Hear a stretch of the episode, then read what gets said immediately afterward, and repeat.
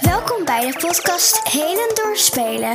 De podcast waar we inspireren om te leren zodat jij kunt groeien en bloeien. Helen Purperhart neemt je mee in haar wereld waar het innerlijk kind de hoofdrol speelt. Heel veel luisterplezier!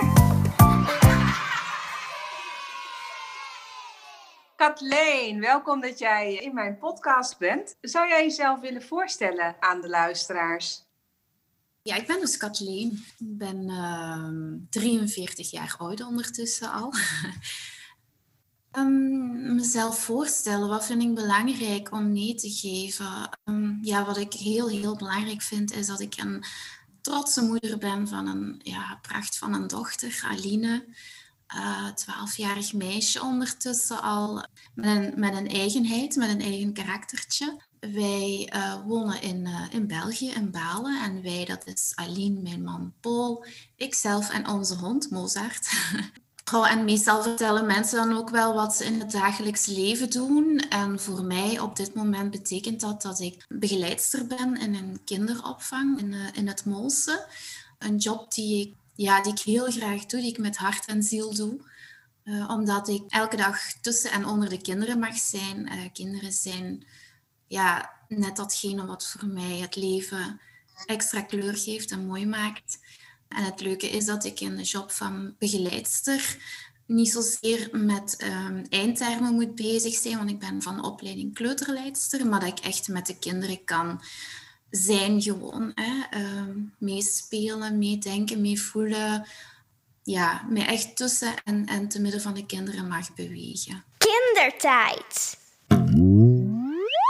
was jouw kindertijd? Kun je iets vertellen over hoe jij was als kind?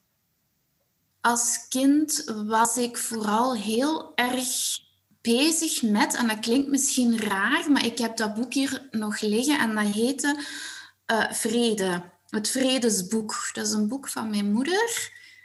En met heel veel tekeningetjes. En dat boek, dat, ja, dat link ik heel erg met mijn kindertijd, omdat dat zoveel indruk op mij maakte van uh, als klein, klein meisje van, maar waarom? Allee, mensen voeren oorlog en hoe komt dat en waarom? En ik denk dat dat heel erg um, weergeeft wie dat ik in wezen ben. Hè? Nu ook als volwassen vrouw, maar toen als kind had ik het ook van, ik wil heel graag vrede en harmonie um, in de wereld brengen. En als je vraagt, ja, wie was je als kind? Ik denk dat ik dat, ik dat gewoon ben. Iemand die um, ja, de dingen mooier wil maken als kind al. Um, ik was een kind dat altijd uh, aan het tekenen was. Uh, veel in de natuur. Ik hield enorm van schommelen. En uh, ja, als, als kinderen of volwassenen elkaar pijn deden, dat kwam altijd heel erg binnen. Nou, wat ik wel heel mooi vind, is dat ik hiervoor een gesprekje heb gehad met jouw dochter Eline, 12 jaar. En dat gesprek is dus ook te luisteren op uh, kindergesprekken.nl, de podcast voor kinderen. En daarin vertelde ze dus ook dat als zij de baas van België zou zijn, dan zou ze in de wet zeker opnemen om uh, oorlog af te schaffen. En niet eens zozeer ja. alleen voor België, maar voor de hele wereld. Nu hoor ik jou hetzelfde zeggen. Ja, er is een soort gezamenlijk stuk in vrede. Ja, is dat wat je haar meegeeft, of is dat wat bij haar ook vanuit haarzelf komt? Volgens mij komt het vanuit haarzelf. Dat is het eerste gevoel dat bij mij opkomt.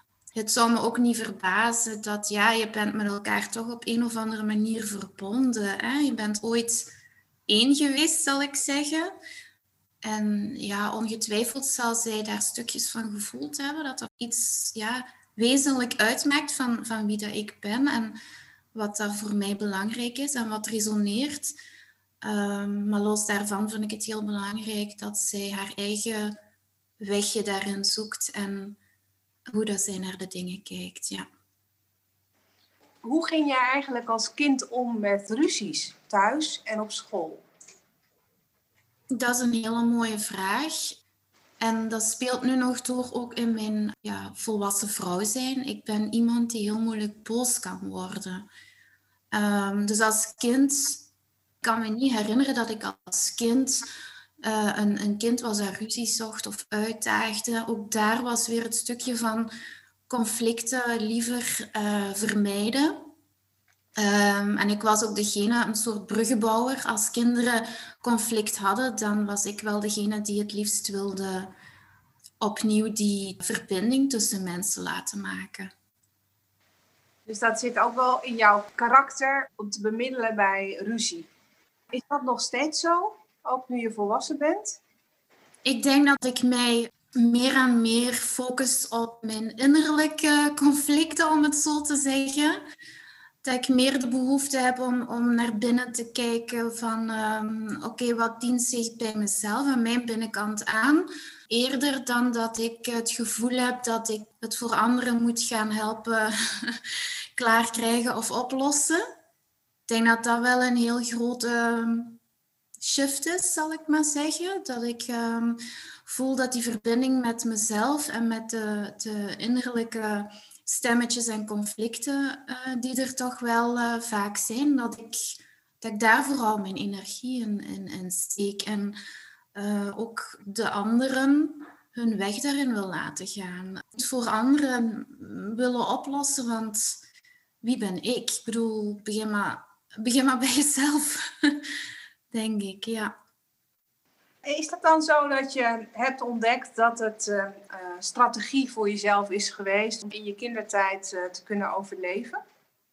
Ik vermoed van wel, ja. Ja, ik was een heel braaf meisje, haast onzichtbaar soms, omdat ik zo ook in de klas, ja, ik maakte geen tumult. Ik was heel volgzaam, dus ja, ik bleef eerder zo wat aan, op de achtergrond en dat vond ik ook prima zo. Maar met ouder te worden en uh, ben ik ook gaan leren dat, dat je ook ruimte mag innemen en dat je jezelf mag tonen. Wat vaak ook eng is, hè, want het heeft ook met kwetsbaarheid te maken.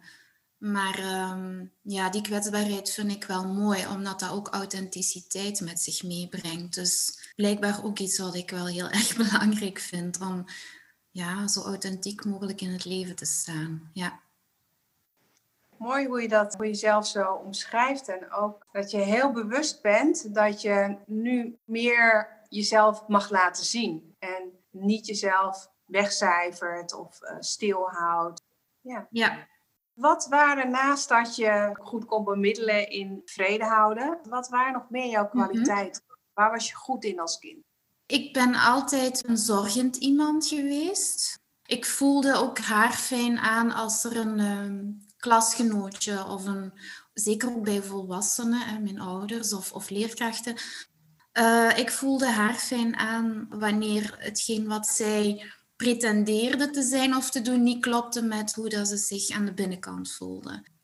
Ik kan dat zien als een, een kwaliteit of een, een talent, maar als kind zijn was het vaak ook best wel verwarrend enerzijds en ja, toch wel een, een behoorlijk pittig rugzakje om zoveel indrukken op te doen en te voelen. En eh, wat de buitenkant uh, liet zien, dat, dat, dat resoneerde niet met de binnenkant van de persoon in kwestie. En ja, dat heeft heel veel uh, verwarring met zich meegebracht, vooral.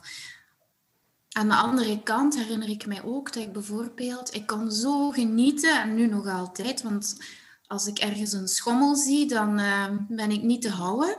Dus schommelen vind ik, ik vind dat fantastisch. En als kind zat ik, als het kon, op die schommel en dan zong ik liedjes voor de zon.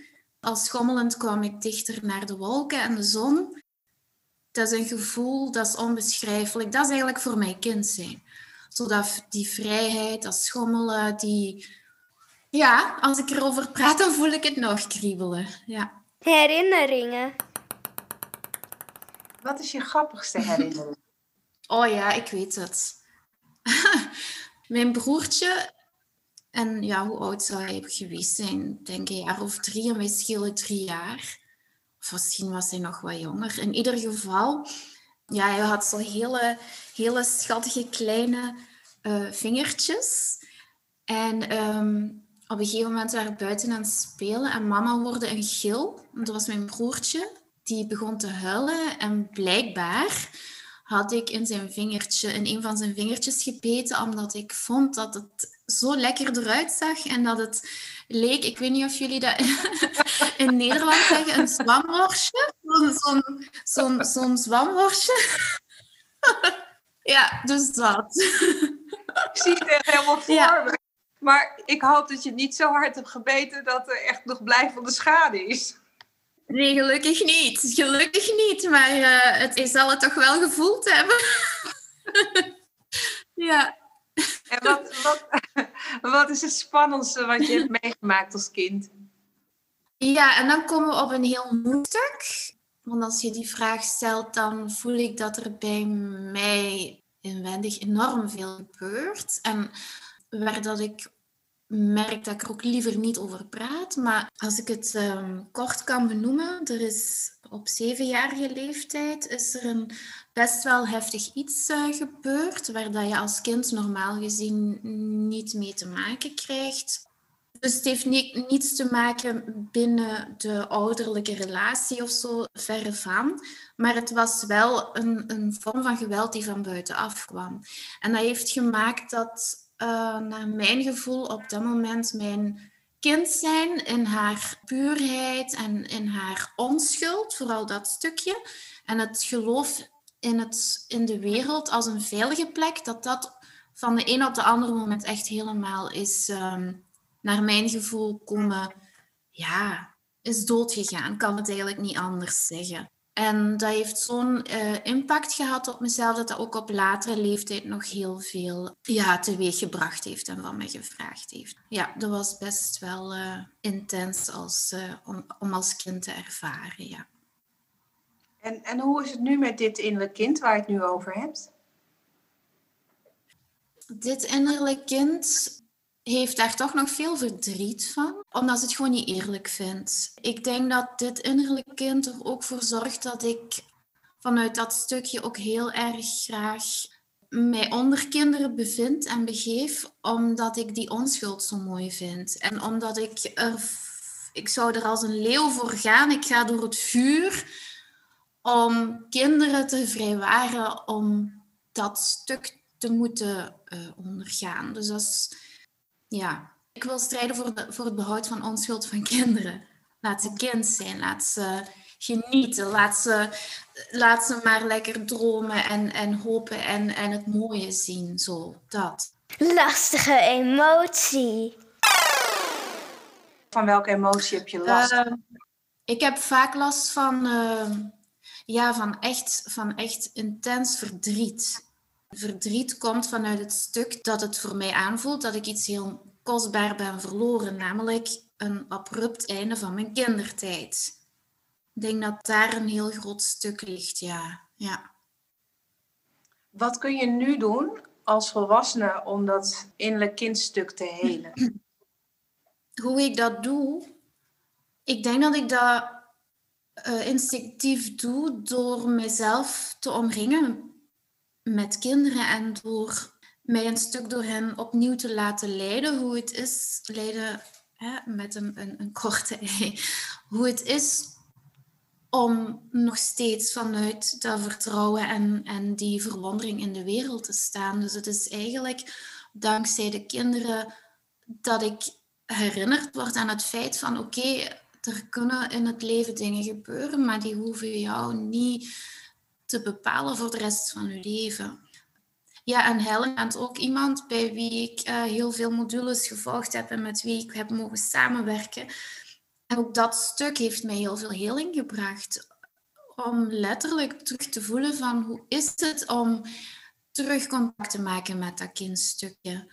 Ondanks het feit dat daar ook nog verdriet ligt. Maar dat is niet het enige, er ligt zoveel meer. Daar liggen zoveel mooie schatten. En ja, ik, ik hoop dat ik altijd zal kunnen blijven spelen. En uh, onbezorgde van dat kind in mij mag blijven voeden. Ja. Stel nou voor dat je nu coach zou zijn van jezelf als kind. Mhm. Wat zou je dan gaan doen met dat kind? Zodat het weer in de kracht komt. Ja, dat is een hele mooie vraag. Ik weet dat ik bijvoorbeeld een zolder vol heb liggen met knuffels en prentenboeken en spelletjes. Ja, het is eigenlijk één grote kinderkamer. En het geeft mij zo'n fijn gevoel om in die prentenboeken als het ware te kruipen en, en te lezen en mee te verbinden met, met die magie of met glitters. Of ja, ook al ben ik 44 binnenkort, ik kan nog altijd even genieten van een verhalenboek, een prentenboek, de tekeningen. Ehm, ik vind geuren ook heel fijn. Dus eigenlijk alles, uh, mijn zintuigen zoveel mogelijk inzetten om terug verbinding te maken met dat, ja, met dat speelse stuk, kleur, geur. Ja. Dus eigenlijk zou je jezelf meenemen naar de zolder of naar een plek waar je gewoon kind mag zijn en weer mag verwonderen. Ja, en nieuwsgierig en ontdekken en spelen. Dat is het, ja, dat klopt. Missie en visie. Wat wil je uitdragen in de wereld en welke invloed heeft jouw kindertijd daarop? Wat ik wil uitdragen aan de wereld, ik heb altijd, ik ben een mooimaker. Ja, of een stuk van mij toch, is een mooimaker een belangrijk stuk. Dat wil zeggen, ik bedenk altijd, als ik mijn laatste adem uitblaas en ik zou kunnen terugblikken op mijn leven, dan hoop ik dat ik iets van betekenis heb kunnen zijn en dat ik iets mooier heb kunnen toevoegen. Ik wil heel graag ja, de dingen, de mensen. Ja, ik, ik, hou van mooi en ik wil graag bijdragen aan die schoonheid, aan het mooie. De shift, en dat, is uh, al uh, een beetje voorbij gekomen uh, voorheen, is dat ik, waar ik vroeger de wereld rondom mij uh, heel graag wilde mooi maken, heb ik nu veel meer de behoefte om dat voor mezelf te doen, aan mijn binnenkant. De beweging is meer gegaan van uh, geven, geven, geven naar oké, maar doe nu maar ook eens voor uzelf. En ik denk dat dat de essentie is dat ik terug dat kleine meisje, dat mag nu ook echt alle aandacht van mij als volwassen vrouw krijgen. En dat gebeurt ook heel erg aan de binnenkant. En Aline, onze dochter, die, heeft, ja, die speelt daar ook een enorme rol in. Als mama maak je terug al die kinderfases mee en groei je daar terug in mee. En zij helpt mij zo mooi herinneren aan ja, wat kind zijn is. En de stukjes die ik daarin opnieuw mag uh, herinneren en verbinding mee maken. Dus ik, het loopt allemaal heel mooi samen. Hè? Het is een vrij complex verhaal. Het, is een, uh, het ene hangt samen met, de, met het andere. En het is eigenlijk een heel mooie reis. Ja. Het dilemma. Stel nou voor dat je moet kiezen. Altijd kind zijn mm -hmm. of mhm. altijd volwassen zijn. Wat zou je dan kiezen? Altijd kind zijn. uh, en waarom, vraag je? Ja, je zegt het al zo overtuigend. Uh, ik zie je ook al helemaal stralen. Ja, ja, dat, ja, oh nee, ik zou er geen moment aan twijfelen. Ik heb ook heel lang niet groot willen worden. Ik wilde klein blijven. Want ja, ik denk dat het puur heeft te maken met die magie. Zo mogelijkheden zien, wensen, een beetje dromen. Ik ben ook wel een dromerig type. Het volwassen stuk is ja, dat we de dingen zo verdorie zo serieus nemen. Ik, betrouw, ja, ik doe dat zelf ook natuurlijk. Maar jeetje, af en toe zo die lichtheid erin, die schwung. Ja, ja laat mij dan maar lekker kind blijven. De toverspreuk. Stel nou eens voor dat mhm. je zelf magie hebt en dat je kan toveren. Naar welke leeftijd mhm. in je kindertijd tover je jezelf dan terug? En welke toverspreuk was mhm. daarbij? Hocus pocus, peuter, doe mij maar weer een kleuter. ik, ik vind kleuters, ja, ik vind die zalig. Die zijn zo puur. Uh, die, hebben, die hebben echt enorme humor. Ik vind, die zijn zo grappig. Maar zo grappig vanuit, vanuit, uh, vanuit hun eigenheid. Hè? Dus ze beseffen soms niet hoe grappig ze zijn. En ja, ik, kleuters, dat is echt helemaal uh, ja, top. Dus ik ga meteen terug naar mijn kleutertijd, ja. Wat zou je voor boodschap meegeven aan je kleuter?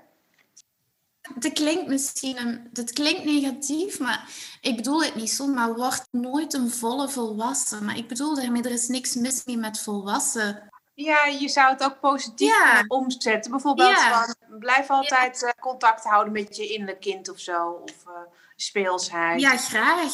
Ja, en blijf maar geloven. Ik denk dat dat zou zeggen. Blijf maar lekker geloven. Als jij politieman wil worden, of jij wil prinses worden, of whatever. Ik bedoel, het kan niet gek genoeg, maar blijf er maar in geloven. En hou vast aan die dromen en doe er alles voor om ze in de wereld te zetten. Ja, word maar gewoon gelukkig. De speeltip. Teken een poppetje met je ogen. dicht. Teken een poppetje met je ogen dicht. Ja. Maar ik kan het ook zo in gedachten doen, hè?